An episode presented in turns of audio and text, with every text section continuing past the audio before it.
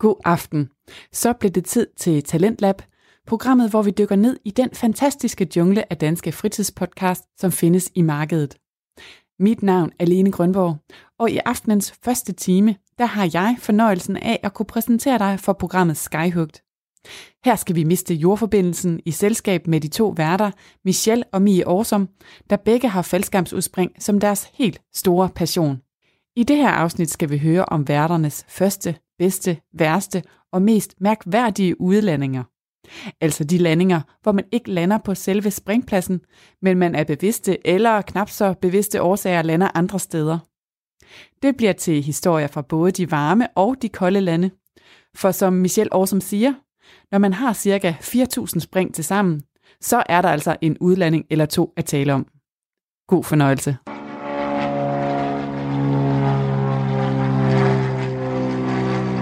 American 2601 coming up on shell.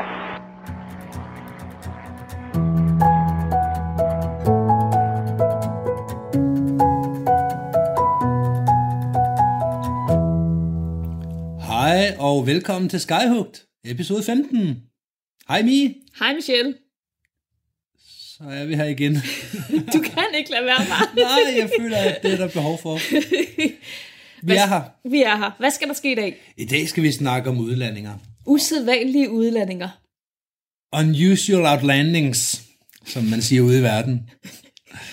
Ja, det er, jeg kan ikke sige us, u- usædvanligt. Jeg kan ikke sige det på dansk. Usædvanlige? Ja, det kan jeg godt sige, men jeg kan ikke sige udlandinger lige bagefter. Det skal vi snakke om. ja. Ja. Skal, Det er historier fra de varme lande fra Aspekt 2. Ja, og de kolde også, tror jeg. Ja, egentlig også de kolde. Ja. Lidt de kolde også. Ja, det skal vi. øh, Det er temaet. Er der ikke mere end det? Nej, har du brug for mere? Det, det ved jeg ikke. Kan vi snakke længe om det? Ja, det tror jeg godt, vi kan. Okay. Når man har øh, små 4.000 spring til sammen, så, øh, så er der jo en udlanding eller to at fortælle om. Og, og vi, vi er enige om, at vi kun tager de der sådan lidt særlige med, ikke? Nej, vi, vi tager dem alle sammen. Åh oh, gud. Nej, nej, vi, øh, vi, vi håndplukker lige dem, der er sådan lidt, øh, lidt interessante. Ja. Det skulle også helst være lidt interessant at lytte til. Mm. Mm. Inden vi kaster os ud i det, så kunne jeg godt tænke mig lige at snakke om øh, vores lyttere. Vi har flere gange nævnt, at nu har vi lyttere fra, øh, fra det her land eller det her land. Og mm. der er kommet et land mere på listen, Mie. Ja. Og det, der er interessant, det er, at øh, det her land, der er kommet på, det er et af vores nabolande. Ja. Sverige er det ikke, for Sverige er stadigvæk ikke på listen. Der er ikke en eneste, der har lyttet til os i Sverige. Ej. De kan ikke lide os. Svenskerne kan ikke lide os, Mie. Svensken er imod os. Det må de være. Det må de være. Ellers er de bare misundelige over, at Danmark har en øh, falskenspodcast. Ursektor, ursektor, for det har de bare ikke. Nej, det kan godt Det tror jeg det. ikke, de har i hvert fald. Det er i hvert fald ikke jeg det land. faktisk ikke. Norge har jo været med fra øh, næsten fra starten af. Ja. Nu er Tyskland også kommet med. Tyskland, ja. Ja, og ikke nok med, at Tyskland er kommet med på listen. Den er klatret op på en tredje plads. Og Wow. de lande, vi bliver lyttet mest i. Ja. Mm. Vi øh, lagde mærke til det her for, ja, det er ved at være et par dage siden, vi, vi så, at øh, Tyskland var kommet med på listen. Mm. Og så fik vi en besked fra en lytter. Ja. En lytter, som, øh, som skrev, at øh, han, øh, han hørte os på arbejde. Ja. Og det, der er sjovt ved, ved hans arbejde, det er, at han arbejder i 40.000 fod. Mm. Flight level 400. Ja. Der bliver vi hørt henne. Ja. Vi bliver hørt op i flight level 400 Det synes jeg er sejt. på hans arbejdsplads. Ja. Det er totalt sejt. Jeg synes ikke, vi skal læse øh, beskeden op. Jeg synes ikke, vi skal oute ham. Nej. Fordi øh, jeg ved, jeg kender ikke øh, luftfartsreglerne, men lad os bare sige, at han sad ikke i passagersædet, mens han lyttede. Nej. Og så lad det ligge ved det. Men jeg synes, det er hyggeligt, Det er at en fantastisk. falskans podcast bliver lyttet til i en flyver. Ja. Jeg synes generelt, det er fantastisk, når vi får de her beskeder fra folk, der er sådan, jamen vi lytter også med fra New Zealand, eller Mexico, eller Australien, eller Tyskland, eller hvor det nu er henne. Ja. Det gør mig, øh, det gør mig glad. Alle hilsner er velkomne. Men det er det. Også selvom man bare sidder i smør om nede og lytter til det på transistorradio. Det må man også gerne. Man behøver ikke at være ude at rejse, hvis man Nej. øh, lytter til os. Det er rigtigt. Det er selvfølgelig dem, vi nævner. Det er dem, der har sådan lidt, øh, lidt en skæv kant på det, men vi vil også meget gerne høre fra alle og enhver. Bare det, at vi hører fra nogen, at det er værd at lytte til. For vi kan selvfølgelig godt se tallene, at der bliver downloadet osv. Vi kan ikke se, hvor mange der lytter det. Nej, vi aner det ikke. Vi aner det ikke. Måske er det bare øh, en mand, der sidder og downloader øh, afsnittene mange gange. Så er du lidt creepy. Ja, Dig derude, der Nej. sidder og downloader ja. Alle ja afsnit det 100 gange. det, det skal du stoppe med. Du, du må godt låne en Netflix-konto. Søg hjælp. Nej, men vi ved jo ikke, hvor mange der reelt lytter til det, så Nej. derfor er det jo super, super fedt at få, få hørt fra de her mennesker. Når, mm. når, og det er jo mange forskellige mennesker. Mm. Det er jo ikke én type springer. Det er jo ikke Nej. dem, der har været i sporten i 20 år, eller dem, der har været i sporten i et halvt år, Nej. eller øh, gamle folk, eller unge folk, eller kvinder, eller mænd, eller det, det er alt. Ja. Det er elever, det er C-springer, det er hele bladen. Ja. Det er hele demografien, vi hører fra. Og det er jo også dem, vi gerne vil ramme med den her podcast. Altså, det er jo det, så er, demografien. ja, Ja, alle mennesker. det er jo det, der er så fantastisk ved faldskærmsspringere, det er, at de er så forskellige, mm. og vi er sådan en mangfoldig gruppe, og derfor vil vi også gerne ramme en mangfoldig gruppe. Og det, øh, det har jeg indtryk af, at vi gør. Det håber jeg. Det ser sådan ud Ja, med de beskeder, vi Det får. gør det faktisk. Og det er jeg glad for. Keep them coming. Lige præcis. Men Mie, vi skal snakke om udlandinger. Mm. Usædvanlige udlandinger. Us, u- usædvanlige, usædvanlige udlandinger. Vi skal snakke om, om de der spring, hvor det egentlig er gået rigtig, rigtig fint. Så hænger man i bærendeskærm, og så holder det op med at gøre fint. Ja. Eller i hvert fald er sket et eller andet, der er ud over det sædvanlige. Lige præcis. Der er navnet. Ja. Hvornår havde du første gang en udlanding? Det havde jeg til Skyvan Boogie i 2010. Øhm, jeg var på dagens første lift på den her Skyvan. Det var også første gang, jeg sprang fra en Skyvan. Og øh, det vil sige, at jeg havde ikke luret den her med, at dagens første storfly, det, den skal lige sådan skydes ind. Og eftersom jeg var elev, jeg havde øh, omkring 34 spring der, så skulle jeg selvfølgelig også af som solo mave, og var helt bagerst i bussen. Mm. Så jeg kommer ud af flyveren, jeg ligger der alene i luften, og på det tidspunkt, der er jeg på det stadie, hvor det er stadigvæk fedt at springe ud af en flyver, og det var jo vildt stort at springe ud af en Skyvan Mm. for første gang. Ja. Men, men man ligger der i luften i frit fald, og bum, bum, bum, bum, hvad skal man så? Jeg skal have lave nogle drej, og så videre. Og så, øh, så åbner jeg min faldskærm, og så kan jeg godt øh, se, at pladsen er rigtig, rigtig langt væk. Heldigvis har jeg øh, sprunget i Holeby før. Så, så jeg sådan kan ret hurtigt orientere mig, og ved også ret hurtigt, at jeg er væk fra området af. Mm. Jeg kan se over på pladsen, og jeg vidste, at øh, vindposen stod langs på startbanen, så jeg kendte vindretningen sådan nogenlunde. Jeg havde i hvert fald en idé om, okay, enten så kommer den fra øst mod vest, eller vest mod øst. Mm, okay, og så kiggede jeg sådan lidt ned. Mm. Og så var vi på lift sammen med øh, en fyr, der startede i 2010. Og, øh, og han havde, havde lidt ry for ikke at være så god til at lande. Så da han valgte at lande i din retning, så tog jeg den modsatte. Og det gik okay. Altså, jeg havde faktisk lige lånt en springdragt af en af mine øh, klubkammerater, Kenneth. Mm. Og den fik noget mudder på, så det er bare så ufedt at låne en, en ren, flot springdragt. Og så, ja. Men det gik i hvert fald fint, at komme ned og lander. Og det er sådan et, wow.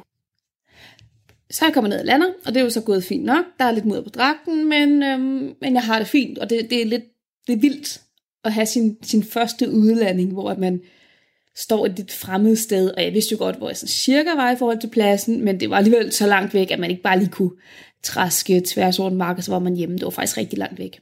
Det der med, at man lander, og der ikke er nogen. Ja. Normalt så står der jo instruktører og venter på Ja, en, ja. og folk, der er klar til lige at hjælpe en, hvis man har brug for det. Ja. Pludselig så står man helt alene. Helt alene. Ja, lige præcis. Det var, det var spøjs. Øhm, og samtidig så var det jo også fedt som elev at få den her fornemmelse af, nå, det kan jeg faktisk godt det her. Mm. Ja, det var ikke den kønneste landing, men jeg klarede den. Og, øhm, og så går jeg hen mod vejen, og så står blandt andet ham, som jeg talte om før, der er landet i modsat retning af mig. Og øh, vi er alle sammen okay. Og, øh, og så står vi i en gruppe der af folk, og så kommer der en bil, og så kommer vi alle sammen ind bag i bilen. Og det er også sådan lidt, lidt sjovt, for det har jeg jo heller ikke prøvet før, det her med, at Skal hentes efter spring. skal hentes, og man har stadigvæk sit grej på, og man har en upakket skærm i hånden, og uh, det er også sådan lidt VIP-agtigt, ikke? Jo, og man ved heller ikke, hvor man skal gøre alt det stof, fordi Nej, nej, normalt nej. så har man det over skulderen og går hen og lægger det fra sig. Her der skal man ligesom ind i en bil med Ja, lige præcis, og vi bliver sådan bare smidt ind bag i, og, i den her bil, og, øhm, og jeg ender med at sidde sådan halvt oven på nogle andre, øhm, fordi ja, det er jo ligesom, hvad der er plads, og ja, vi sidder alle sammen med det her nylon, og vi glider rundt på kryds og tværs, og bliver så kørt tilbage til, øhm, til Holeby, eller til, øh, til springpladsen i Holeby. Så det var, det var min første udlanding. Mm. Spændende. Ja. Vil du spørge om, hvornår jeg havde min første, eller skal jeg bare selv fortælle? Jeg kan godt spørge. Hvad med dig, Michelle? Jamen, min første udlanding, det var, øh, det var faktisk sjovt nok kombineret med en masse første. Ja, Ikke ligesom helt, mig. Ja, ikke helt første, men, men den weekend, jeg første gang var i Majbo, og den weekend, jeg første gang sprang fra Skyvan. Så der var i forvejen rigtig meget nyt. Og som du også nævnte, så øh, hvis man er elev, og det var jeg også på det tidspunkt, så står man bagerst i Skyvan. Mm.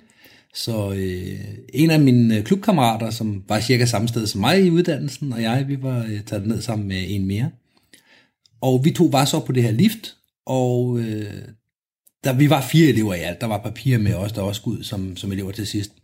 Så vi var møffet helt op bagerst i bussen, og den her Skyvand, som du fortæller, den, den, vores, den skulle altså også skydes ind.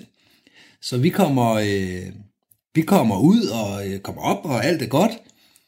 Kigger, øh, kigger lidt ud, hvad man nu lige kan se ud af sideruden. Der er ikke nogen af os, der er sådan rigtig dygtige til at spotte en skyvand, og det skal man heller ikke. Hvis der er grønt lys, så skal man tælle til x antal sekunder, og så skal man løbe.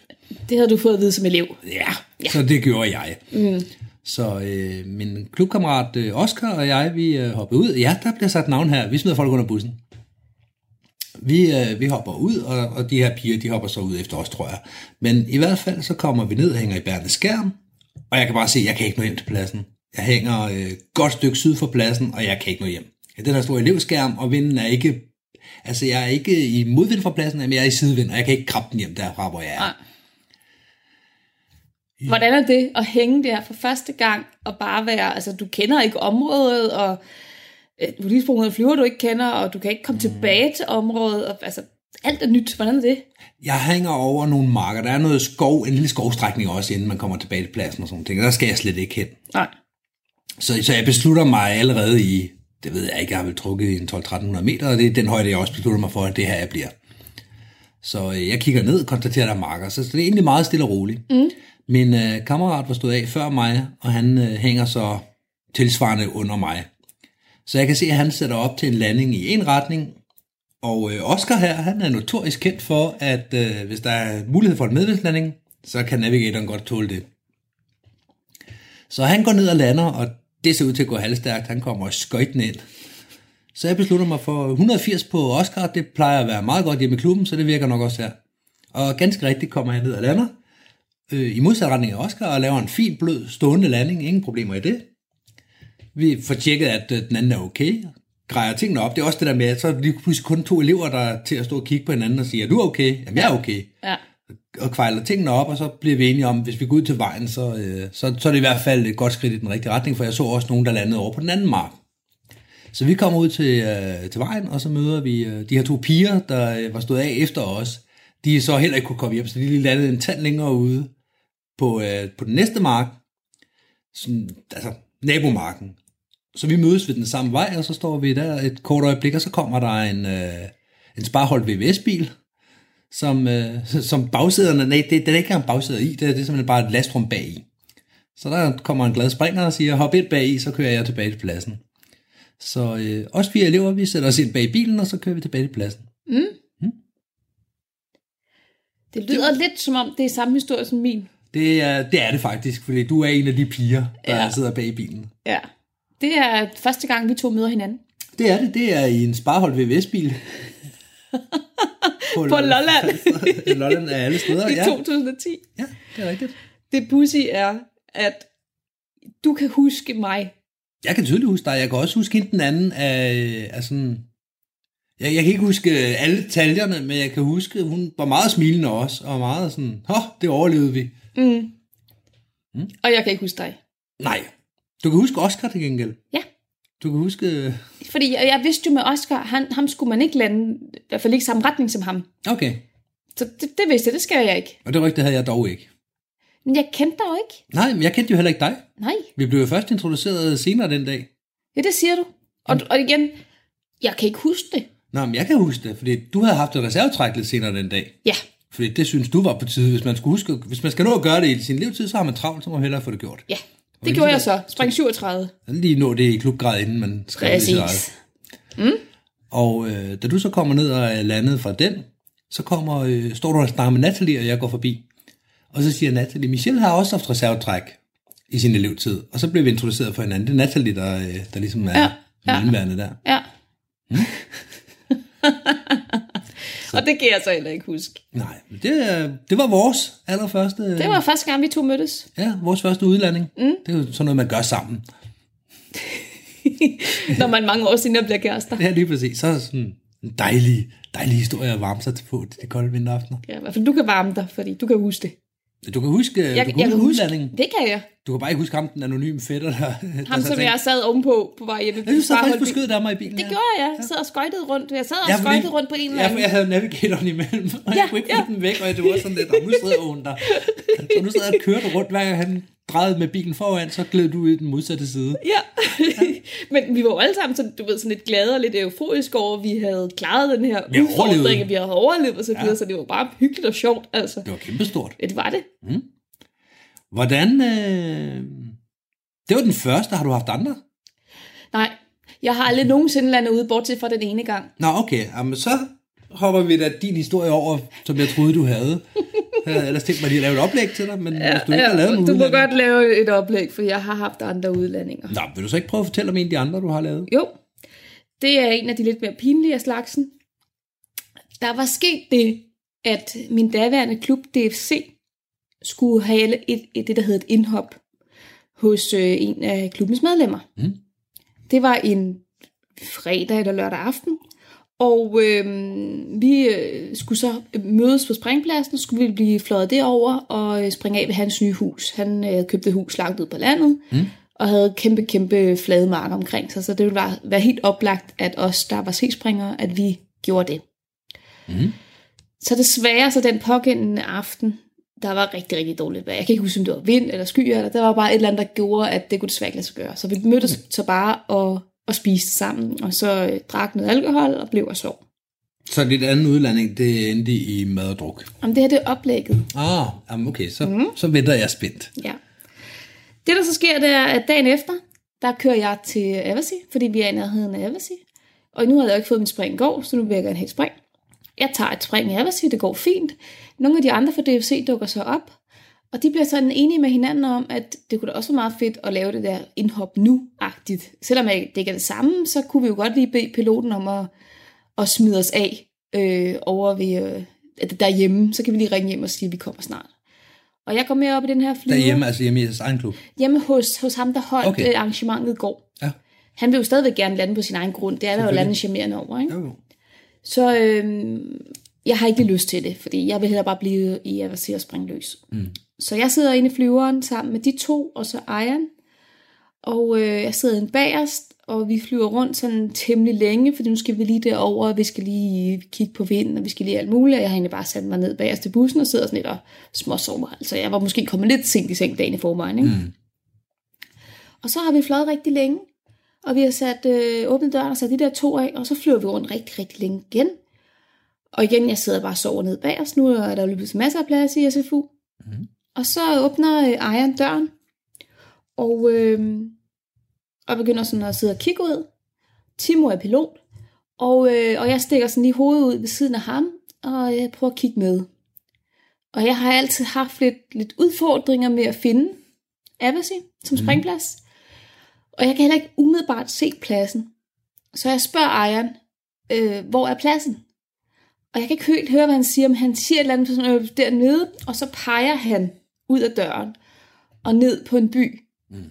Og så tænker jeg, jamen det passer meget godt med, at det er den by, der ligger ved siden af Avasi, altså, byen, Altså Avasi byen byen. Avasi, ikke? Ja. Og så tænker jeg, så må det også passe med, at så ligger pladsen faktisk lige under os.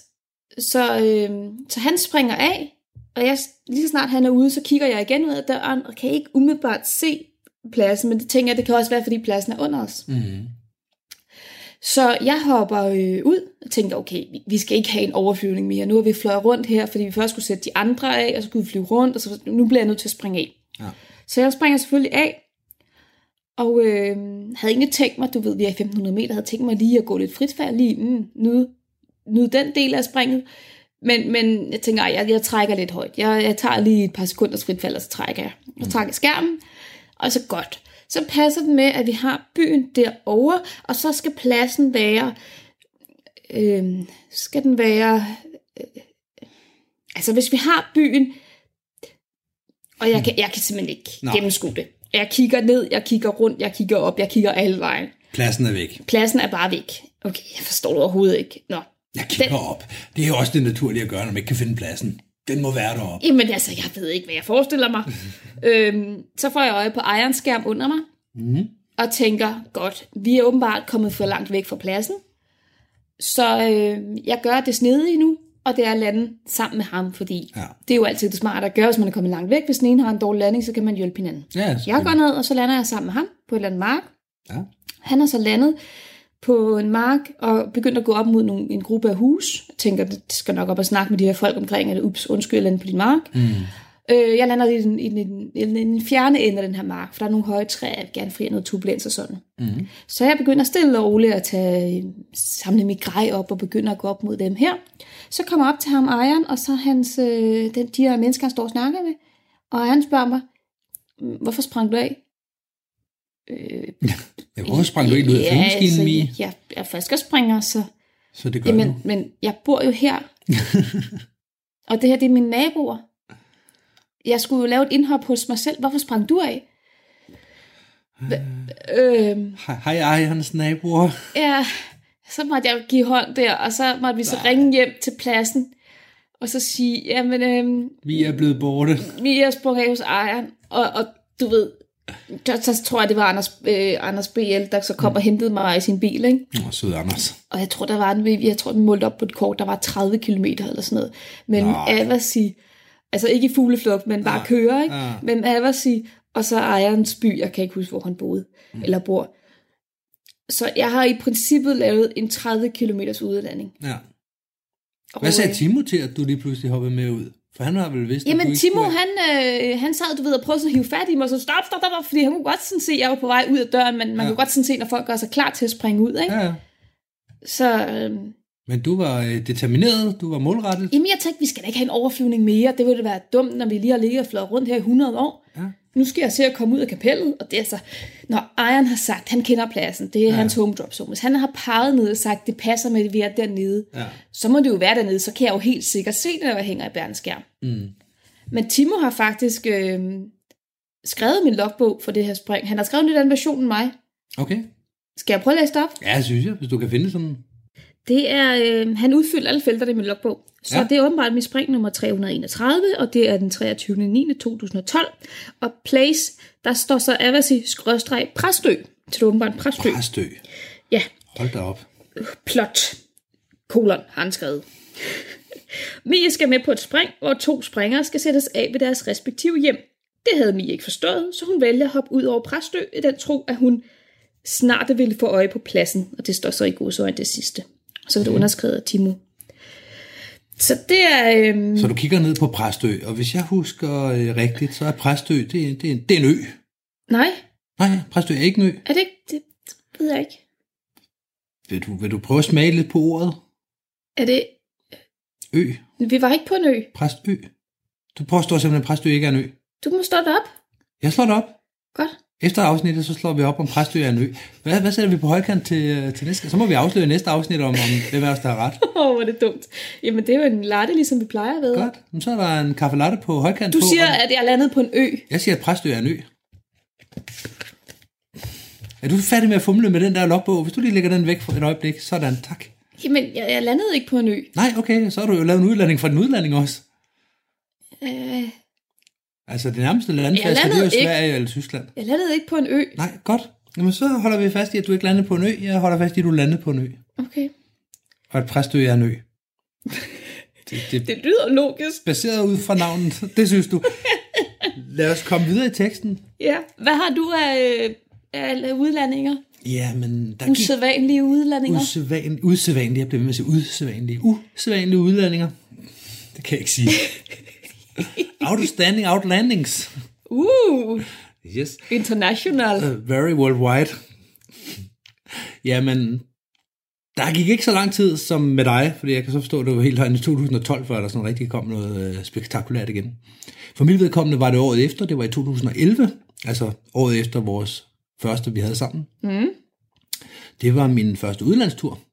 Det er ligesom om, at når jeg skal prøve noget for første gang, så skal jeg lige krydre det op med et eller andet andet sted også.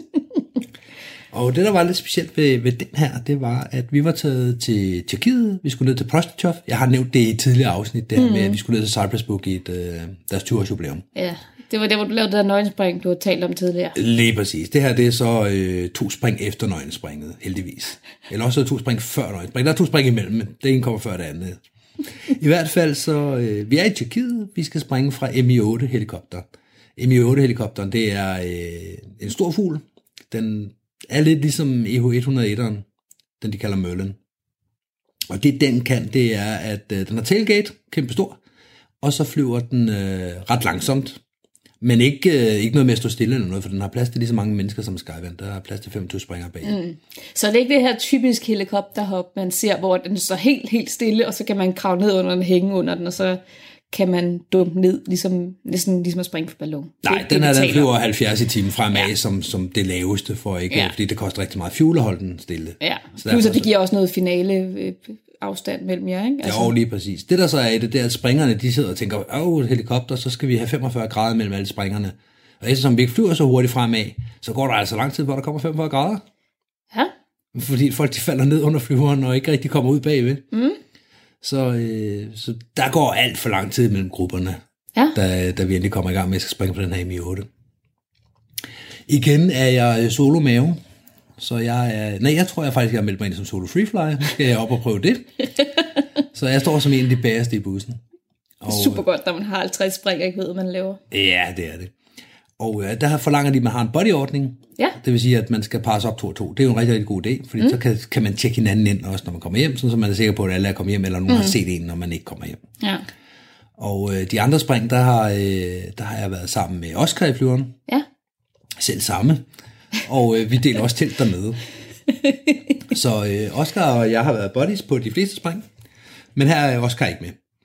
Eller også så springer han bare min i mave. Vi er i hvert fald ikke i samme ende af bussen, så jeg laver mig en bodyordning med en øh, lokal fyr. Mm. Og øh, det tager jo forever at få de her grupper ud, fordi alle folk står og venter på 45 grader, og aldrig kommer. Så det sidste så er sådan, nu hænger de bærneskærm, og vi så ikke godt hoppe.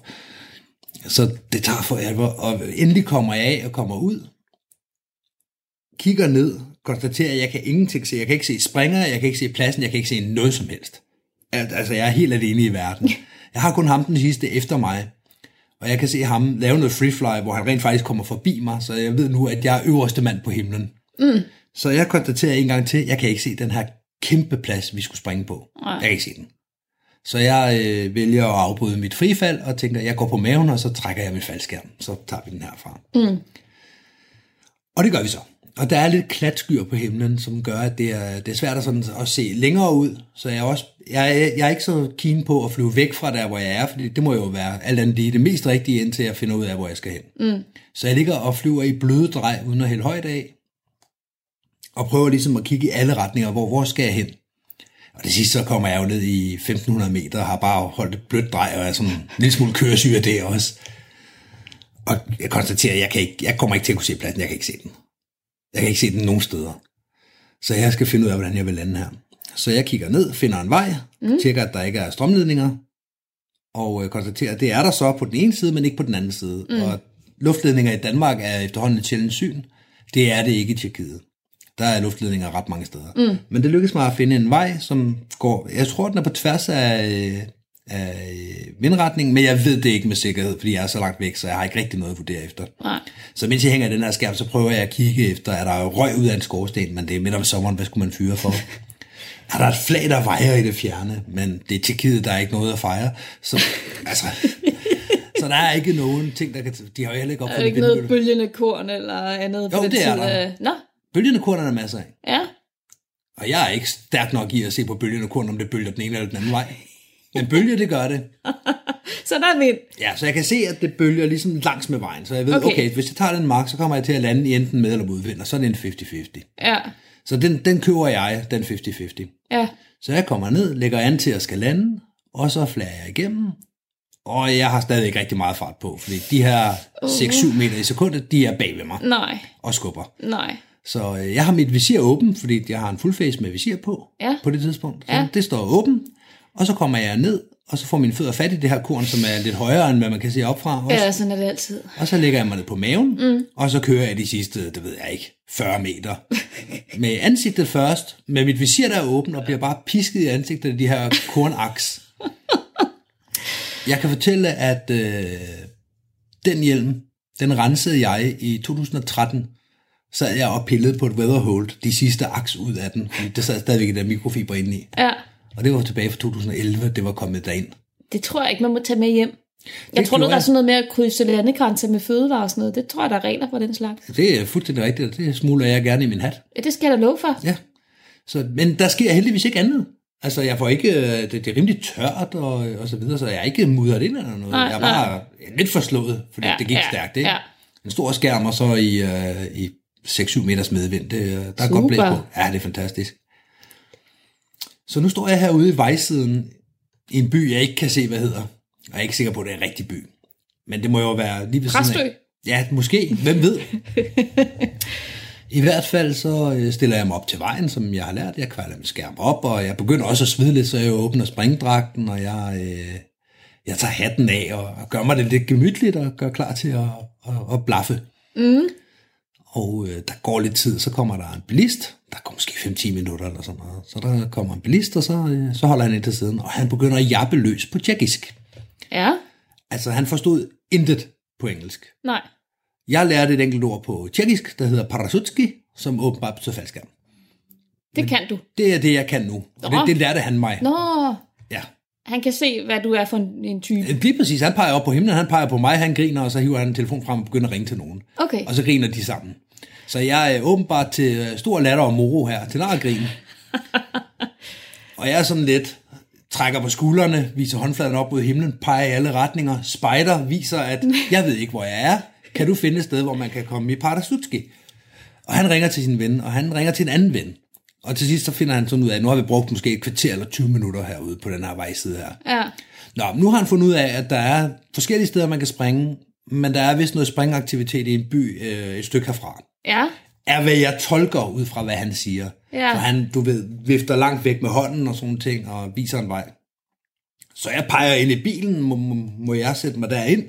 Og han ligger og flytter de ting, der er på passagersædet, så det må jeg godt. okay. Tolker jeg. Han, han agerer i hvert fald med et smil, da jeg sætter mig ind i hans vogn. Okay. Med alt mit grej og Ja, ja. en halv hovedskærm ud af døren og alt muligt. Ja, og med korn og aks. Ja, lige præcis. Så øh, vi begynder at køre, og øh, flere gange undervejs, vi kører igennem en by. Og han er sådan, jeg tror, vi skal den her vej. Han, han kigger lidt og gør lidt, og så kører han lidt igennem en by mere, og begynder at ringe til en ven. Og vi kører igennem en tredje by, og så ringer han til en ny ven, som, øh, som nu har fundet ud af, okay, han ved, hvor vi skal hen. Så nu har vi fast telefonforbindelse til ny ven, mm. og han guider os højre, venstre, højre, venstre igennem en by mere, og pludselig så kommer der et skilt med Prostochov. Ja. Ja, Det kender er, du. Det er en rigtig by. Så nu begynder jeg at genkende og pege og vise, at det er den vej, vi skal, og nu kan jeg guide ham ind, fordi vi har været inde i byen et par gange og spise om aftenen og sådan ting, og så ja. Herudfra, der kan jeg ligesom guide ham det sidste stykke. Ja, Og øh, prøver så at byde ham ind på en øl eller noget, men han takker pænt nej, og får så fat i en af de lokale, der kommer ud af bussen eller af bilen, og så øh, som, kan du ikke spørge, om han vil, øh, vil have noget at spise eller et eller andet, for Ja. altså, han har lige kørt en 30 km med mig også, eller sådan noget. Ligesom de præsteeventyr, bare med fremmede mennesker, der ikke forstår øh, menneskesprog. Så, øh, men han ville ikke have noget, han ville ikke have penge for det eller noget som helst. Og øh, så, øh, så triller han af, og så er jeg jo endelig tilbage. Nu er der gået halvanden time ja, siden jeg øh, stod af flyveren, eller helikopteren. Det, der så er sket hjemme på pladsen, det er, at min buddy, han er kommet ned og har meldt alle hjemme. super. Det var da en god body, du havde Ja, lige der. præcis. Det var den bedste buddy, jeg nogensinde har haft. Ja. Han, han laver ikke panik. Der skabes ikke scener. Nej, det gør det Alt er roligt, alt er i orden. Ja. Vi er hjemme. Alt er godt. Ja, Fortsæt. Ja, det er den melding, han har øh, kommet med. Ja. I mellemtiden, der har øh, Oscar, han har været en god dreng. Han har været oppe i Manifest og sige, prøv at høre, min makker, han mangler. Han var med i den MI8, der tog af for over en time siden. Mm. Og han er ikke kommet tilbage, han mangler altså. Ja. Og de får lavet et opkald, og de får øh, kaldt ud over højtaleren. De får alle bodies op og så videre. Min body går op og melder, ja ja, alle er tilbage. Så, og Oscar, han bliver mere og mere desperat. Så det sidste bliver Oscar vred. Ja. Oscar på det her tidspunkt, han, har må, han må have været 17. Ja. Enten, ja, han må have været, være fyldt 17 her. Så han står med sit skoleengelsk og prøver at forklare, at prøv at høre, jeg ved, Michelle ikke er her, Ja. because Michelle and me sleep together, and he's not here. Det han ville sige var selvfølgelig, at vi delte telt. Ja, det sagde han jo også Det sagde han også. på en måde. Ja, de her piger i Manifest var ikke særlig interesseret i Oscar efterfølgende af en eller anden årsag. Jeg ved ikke, om de afskrev ham med eller andet. I hvert fald får han øh, deklameret, at øh, hans sengekammerat mangler. Og et ros til Oscar, at han insisterer, og han stiller sig op og siger, mm. prøv at høre, der mangler Ja, altså en. ja, ja.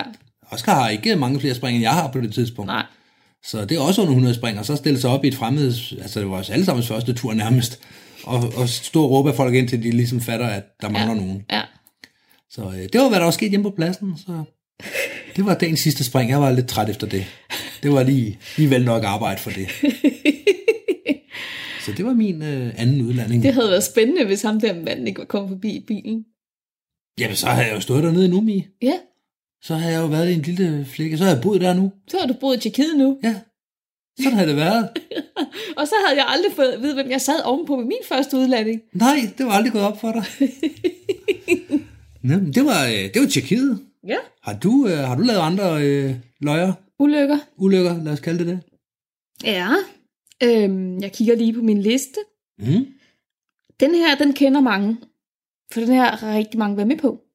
Okay, Den er kendt som Danmarks historiens største udlanding, tror jeg.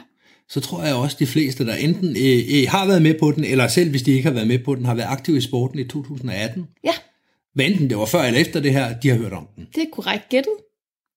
Det, øh, nu fortæller jeg historien fra mit perspektiv, mm. og der er jo mange derude, der sidder og, og nikker og siger, ja, det der oplevede jeg også, eller noget lignende i hvert fald. Jeg vil gerne runde af med mit perspektiv. Det tager 10 sekunder, fordi det er et ret kort perspektiv, for jeg er ikke med på den. Men, men fortæl. Ja, nu fortæller jeg det som om, at øh, jeg fortæller det til en, der ikke ved, hvad det her handler om.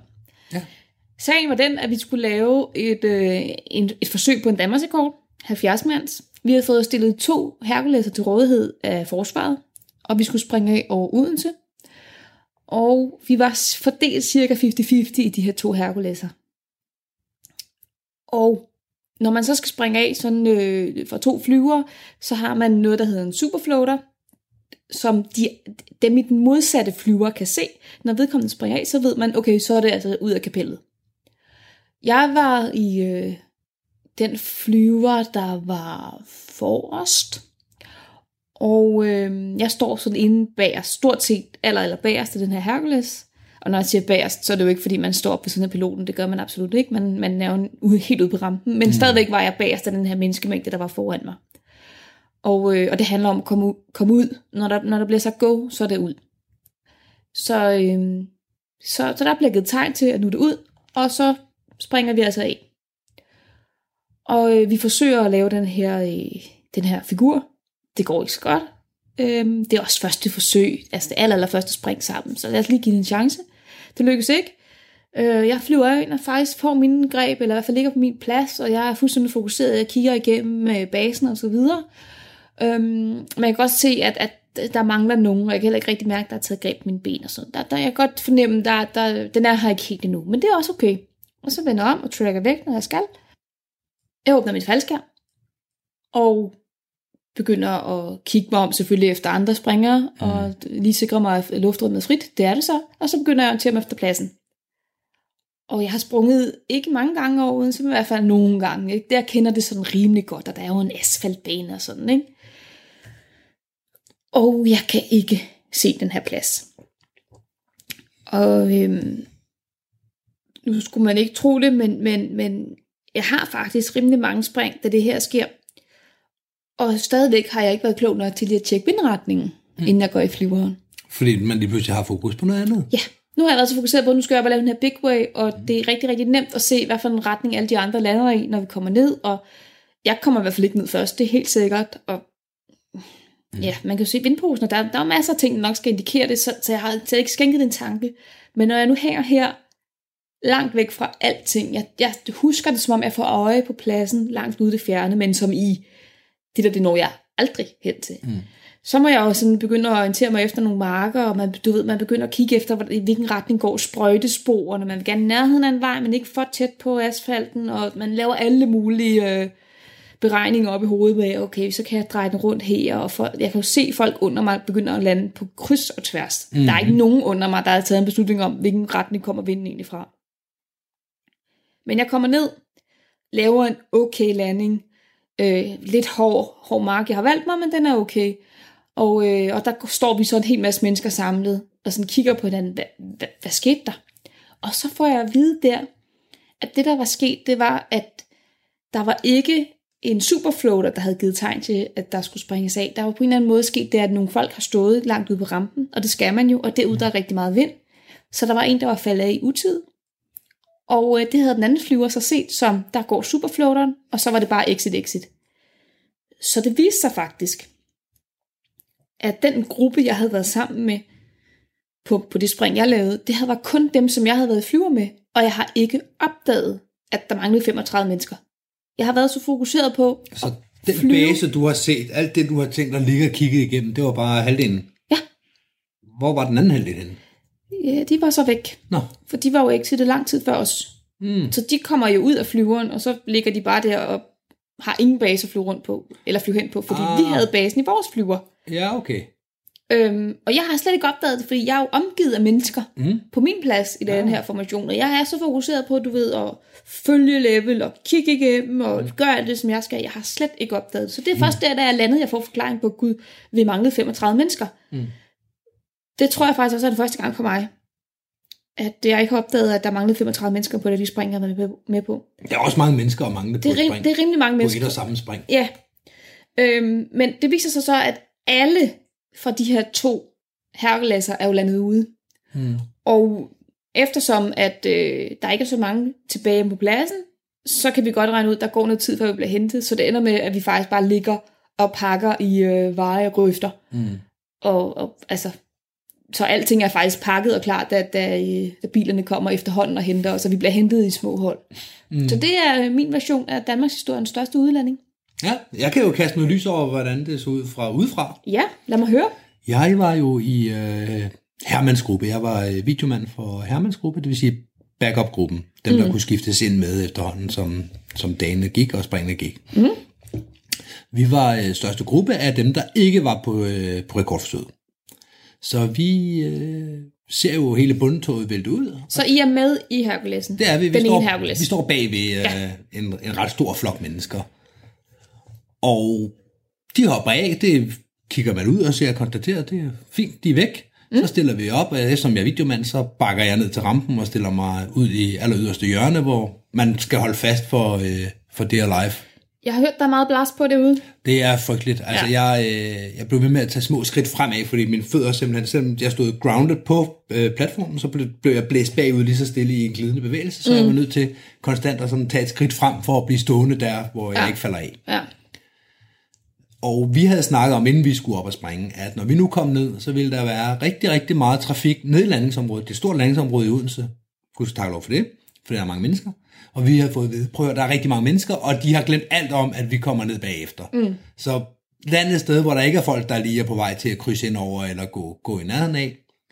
Så vær opmærksom, der er 70 mennesker dernede, når I kommer ned og lander, og de har ikke set jer. Mm. Så jeg kommer øh, ud som videomand, og så, det vil sige, jeg ligger og falder ned i midten, og så trækker jeg øh, som den første og kigger. Så har jeg jo resten af kagen, der, der, spreder, der faner ud, og imens de gør det, der hænger jeg jo i bærteskab og kigger ned, og forventer at se 70 farvede klatter i form af faldskærmer og springere. Mm.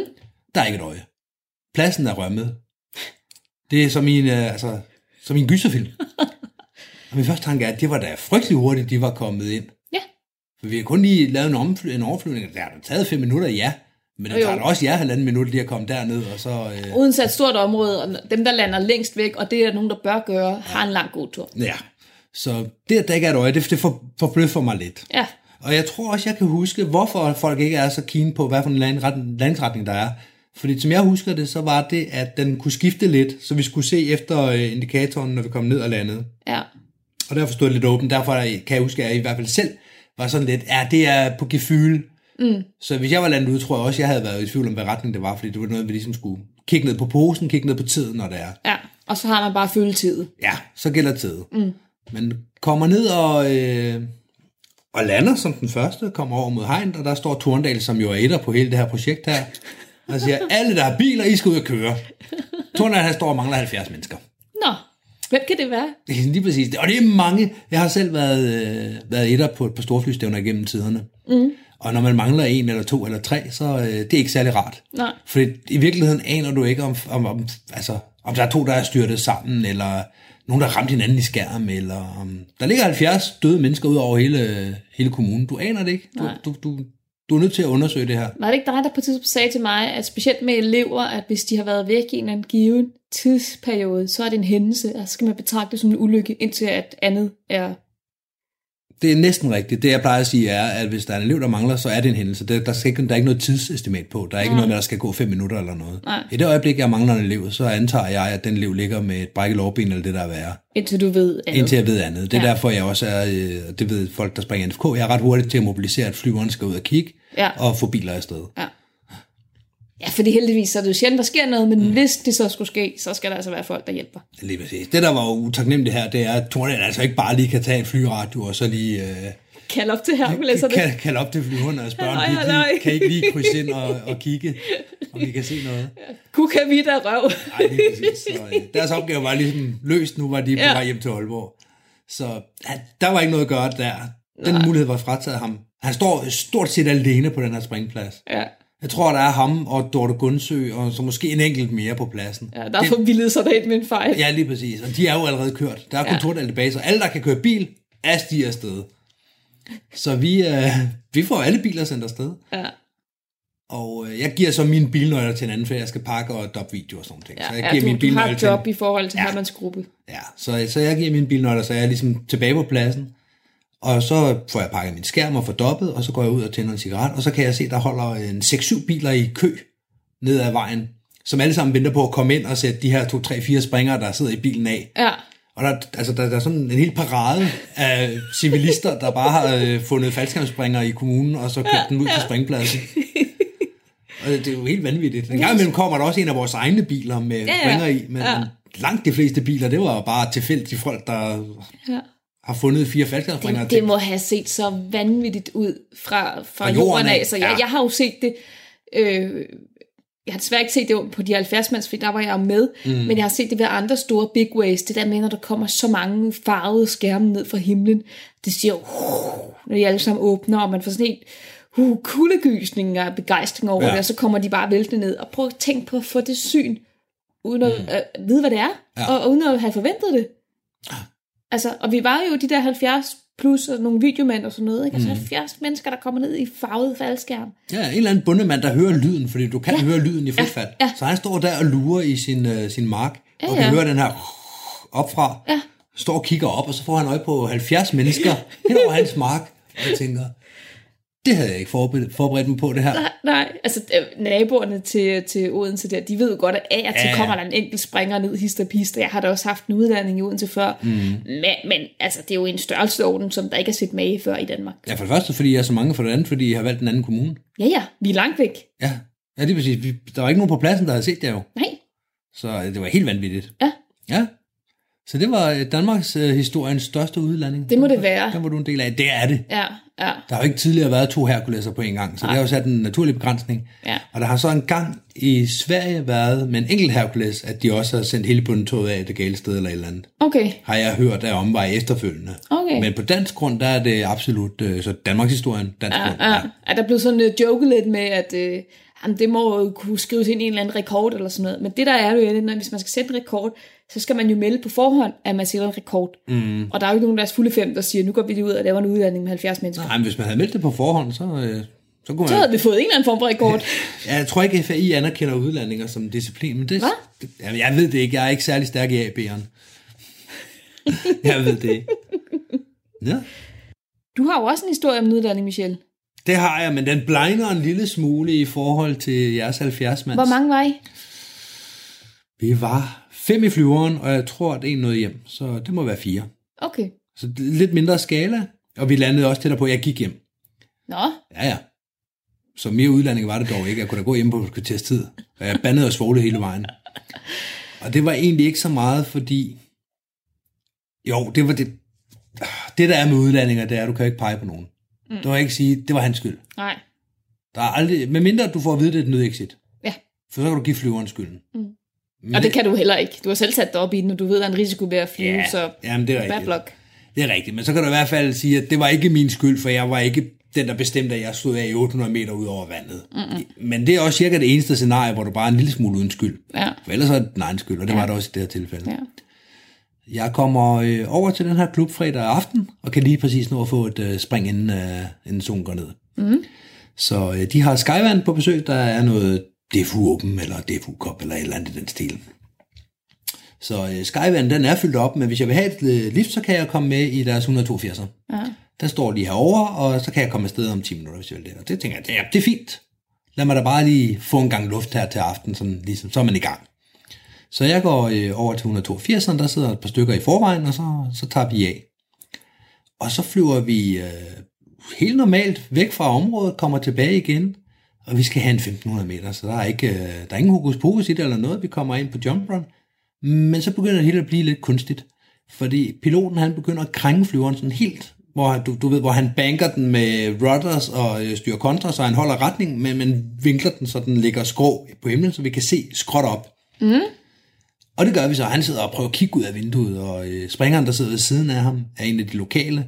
Og de, de kommunikerer lidt, og vi andre er sådan lidt detached nede bagerst i bussen. ja, man kan ikke helt høre, hvad der bliver sagt. Nej, og de kommunikerer lidt og kigger op og gør ved. Og jeg er sådan, hvad, hvad sker der? Ah, men øh, der, vent lige lidt. Nå, så venter jeg lidt. Og de krænger, og de flyver, og jeg er sådan, vi må være længe forbi pladsen, fordi mm. da jeg så den sidste, da vi krænger rundt, det er ikke en plads, jeg normalt springer på, men man kan godt kende den, fordi den er asfaltbane. Ja. Så da vi krænger rundt sidst, så ifølge mine beregninger inde i mit hoved, så burde vi have krydset den asfaltvej for længe siden. Mm. Og så pludselig går døren op, og så får vi at vide, at vi kan ikke stå af herude. Vi kan ikke flyve tilbage, vi kan stå af herude. Og så, så stiger folk af efterhånden. Jeg sidder Jeg vil lidt- gerne have et spring, altså man har jo trods alt betalt for det. Altså, turen er betalt. Jeg er oppe i 1500. Ja, Ja, jeg springer af, og så må vi se, hvor pladsen er henne, om jeg kan nå tilbage til den. ja. Den er nok lige nærheden. Og det kunne jeg ikke. Vi havde fået at vide. Vi, lander, Okay. vi, vi flyver herud, og så må vi flyve så tæt på, vi kan komme. Okay.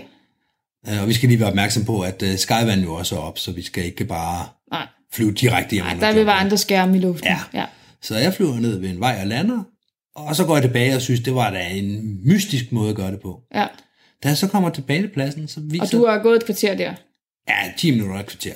Ja. Så da jeg kommer tilbage til pladsen, jeg er fuldstændig forsvedt, for jeg er ikke forberedt på, at jeg skulle ud og, og vandre. Det er jo en sportsgren, det her. Ja, det er det altså. Så jeg har hiket og kommer tilbage til, øh, til ground base. For så snakkede med nogle af de andre på den her flyver og spørger, hvad skete der så? Hvad var det? Ja. Og det der så var i det, det var simpelthen, at piloten han kunne ikke forstå engelsk. Og han kunne ikke tale engelsk. Det er for så vidt ikke noget problem. Når du flyver i Danmark med en dansk flyver, så kan du snakke dansk. Så skal man du... åbenbart ikke køre engelsk. Det skal man ikke. Nå. Hvis du har dansk radiocertifikat, så kan du nøjes med at snakke dansk åbenbart. Nå. Så han kunne dansk. Ja, det er godt at kunne. Det er det. Bortset fra Skyvand-piloten, han møffede i radioen, men han gjorde det på engelsk. Nej. Så vi vidste ikke helt, hvad det var, han sagde. Så det, vi havde ligget og lavet, det var egentlig, at vi lå og krænge for at se, om han hældte folk af eller ej. Om vi kunne få øje på ham. Om han hældte folk af i hovedet på jer. Ja. Jeg ville lå og fløj rundt nedunder. Og han, Super. og han prøvede at få øje på, om der blev kom springer ud. Og så til sidst, så valgte de så at krænge af og flyve væk, og så sætte os et andet sted. Ja. Så det blev en bevidst udlanding. Ja. Det var det en hop, vel, i Ja. virkeligheden. Ja. Måske skulle den have været med i det afsnit, vi havde om min hop. Har vi ikke haft afsnit? Vi har, vi snakket lidt om min hop? Vi har ikke haft noget øh, afsnit af min Nej, hop. vi har snakket lidt om min hop. Ja, Ja. Så det kunne være, at det var der, den skulle have været med, fordi i Ja. virkeligheden var det jo bare et uplanlagt indhop. det må man da sige, det var. Ja. Det havde du ikke regnet med, da du satte dig ind i den flyver. Det havde jeg bestemt ikke, og det var også sidste gang, jeg satte mig ind i den flyver den weekend. Ja. Det lyder lidt sketchy. Det var det. Og så dagen efter, så lavede de et eller andet med Skyvand, så den ikke kunne flyve længere, og så, øh, så blev det ikke rigtig så meget mere. Ja. Men ja, det var sådan en af de lidt mere... Ja.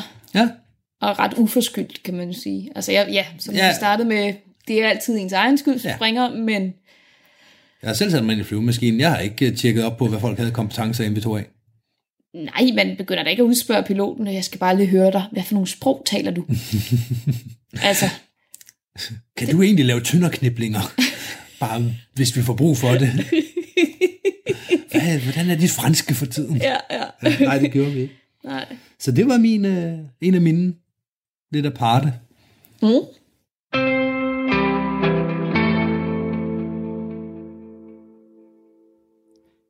Det var podcasten Skyhugt med værterne Mie og Michelle Årsom.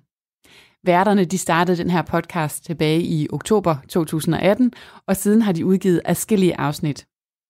Det er en podcast, hvor indholdet normalt spænder vidt fra diskussioner om grej og regler, anekdoter fra udlandsture, quizzer om faldskærmsemner og ikke mindst interviews med relevante gæster. Og i dag der blev det altså også til en snak om almindelige og ualmindelige udlandinger. Og nu er vi så nået til vejs ende af første time af Talentlab. I anden time, der vender jeg tilbage med podcasten Feminist på prøve, som dykker ned i alle aspekter af feminismen, og i dag skal det handle om at være ciskønnet. Hvad det betyder, og hvordan det kan fortolkes forskelligt, det kan du blive meget klogere på i anden time. Men nu er det allerførst blevet tid til nyhederne.